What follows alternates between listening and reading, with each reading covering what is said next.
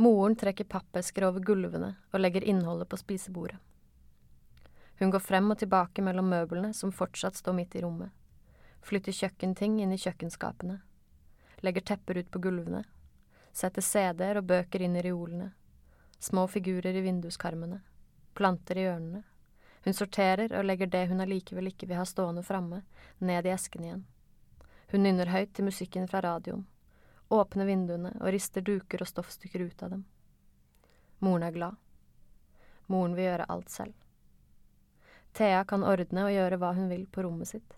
Hun har to pappesker med egne ting hun kan ta frem, men hun vet ikke ennå hvilket rom som skal bli hennes. Aller helst vil hun ha det oppe ved badet og morens rom. Kanskje det er praktisk at vi ikke har rom så nære hverandre, sier moren. Det kan være du blir lei av å ha moren din på den andre siden av gangen, vet du. Hun stryker te over håret, plukker vekk et løst hårstrå. Du røyter fælt for tiden, sier hun og går bort til vinduet, åpner det og slipper hårstrået ut. Det er viktig at du drar av de løse hårene og kaster dem når du har gredd deg, så vi slipper ha hår overalt. Det er slitsomt å plukke opp hår etter deg hele tiden. Vil du helst ha rom ved siden av meg? Thea nikker. Jeg skjønner det, sier moren og lukker vinduet. Kanskje du kan gå ut og leke? Eller utforske hagen? Plukke noen blomster? Det ville vært hyggelig hvis du plukket noen blomster. Jeg kan finne fram vaser.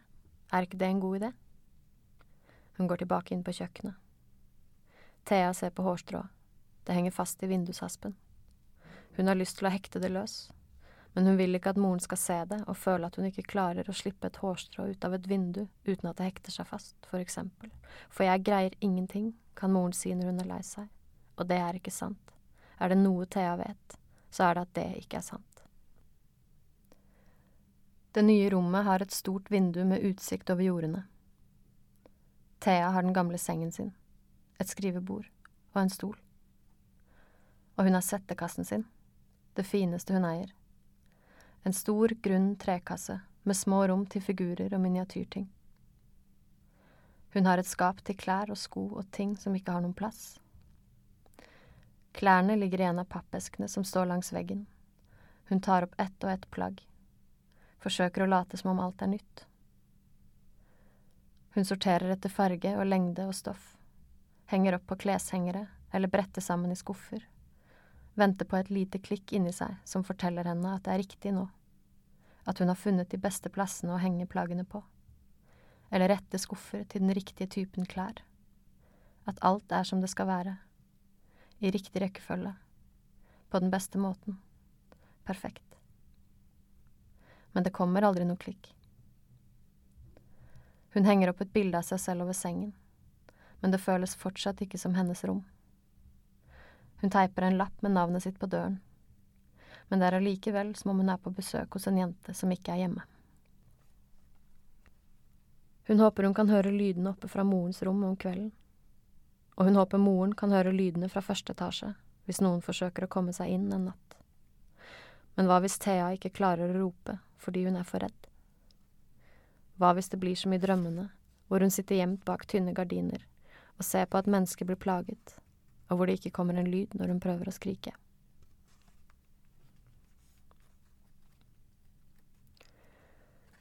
De skyver møblene på plass i stua. Det blir lange striper etter dem på parketten. Moren har funnet fram en innrammet tegning som skal henge over spisebordet. Thea har aldri sett den før. På tegningen sitter moren naken på en stol med armene i fanget. Hun er alvorlig, stirrer rett på den som tegner og magen hennes er stor og rund. Det er liksom en tegning av oss begge, sier moren. Det er meg som har tegnet den. Den var bare et par uker før jeg falt i oppgangen og vannet gikk.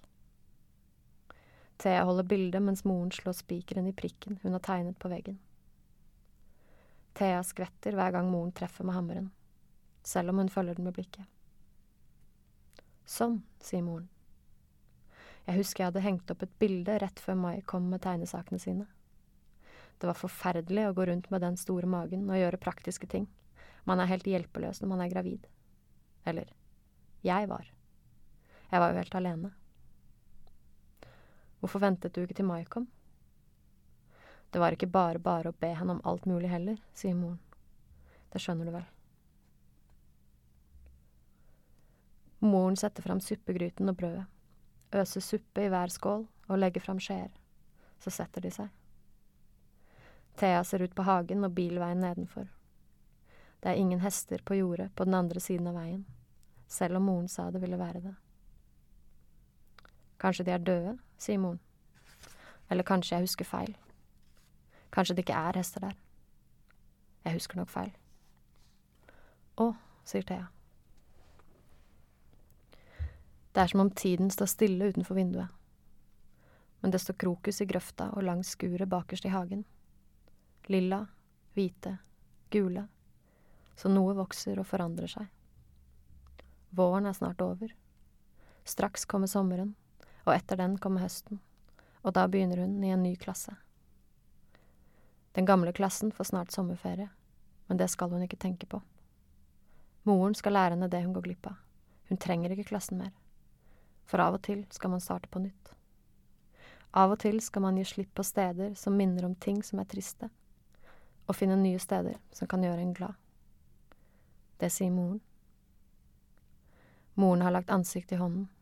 Hun stirrer ut i luften. Du pirker i maten, sier Thea. Huff, sier moren. Jeg var visst ikke særlig sulten i dag. Hun skyver skjeen rundt i suppa. Gleder du deg til å sove på det nye rommet ditt? Litt, sier Thea. Det blir nok bra, sier moren.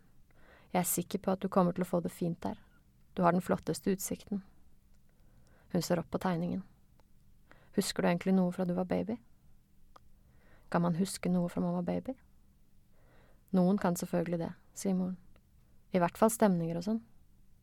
Hun retter på bildet. Du var helt svart i øynene da du var spedbarn.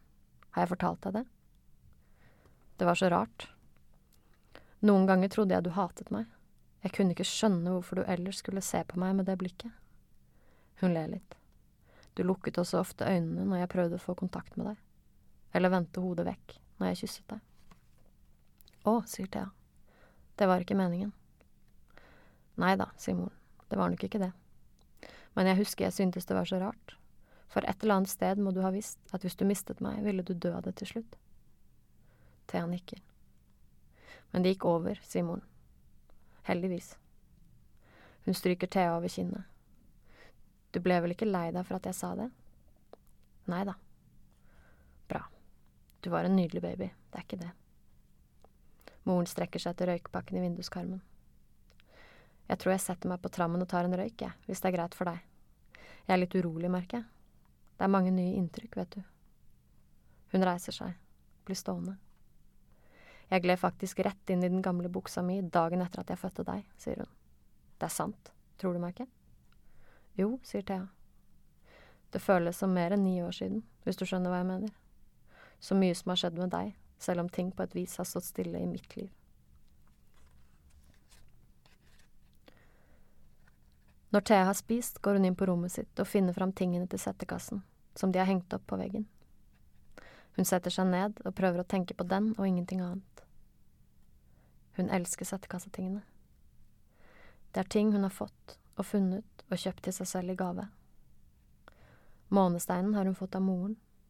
Den skal ligge i vinduskarmen hver gang det er fullmåne.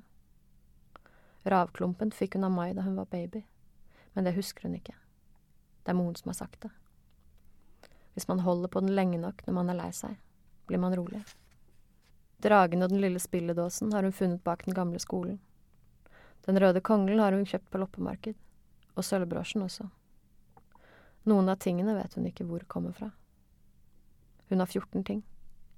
14 ting. Det er to ting for hvert sekund bilene brukte på å kjøre gjennom tunnelen ved den gamle leiligheten. Det er mange tomme hyller i settekassen ennå, men det gjør ikke noe. Det går bra. Hvis hun får to eller tre ting hvert år, blir den kanskje full før hun blir voksen. Hvis hun blir det. Hun bruker lang tid på å prøve å finne de riktige plassene til tingene. De kan ikke stå som de gjorde før. De må få nye plasser nå. For huset er nytt, og den gamle leiligheten er vekk.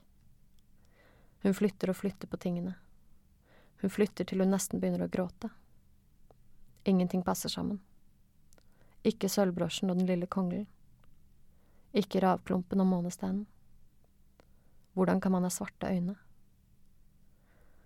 Hun klarer ikke finne riktig plass til en eneste figur. Hvorfor husker hun ingenting fra hun var baby? Eller husker hun noe? Husker hun en rød sol, hvit melk, en kald skje i munnen? Husker hun en sang på piano som ble spilt om og om igjen til noen ropte at den skulle stoppe? Husker hun store hender som løftet henne opp og ville at hun skulle bli glad? Husker hun et bitte lite dragsug i en vask? Husker hun en rød sol? Hvit melk? Var det noen som sto lent over vogna og stirret og trakk i henne med blikket? Hvem sine øyne? Er det bare noe hun innbiller seg? Hun vet at det bare er noe hun innbiller seg. Til slutt bestemmer hun seg for at alt kan stå alene, med tomme hyller imellom seg, at det ikke spiller noen rolle hvilken rekkefølge tingene står i.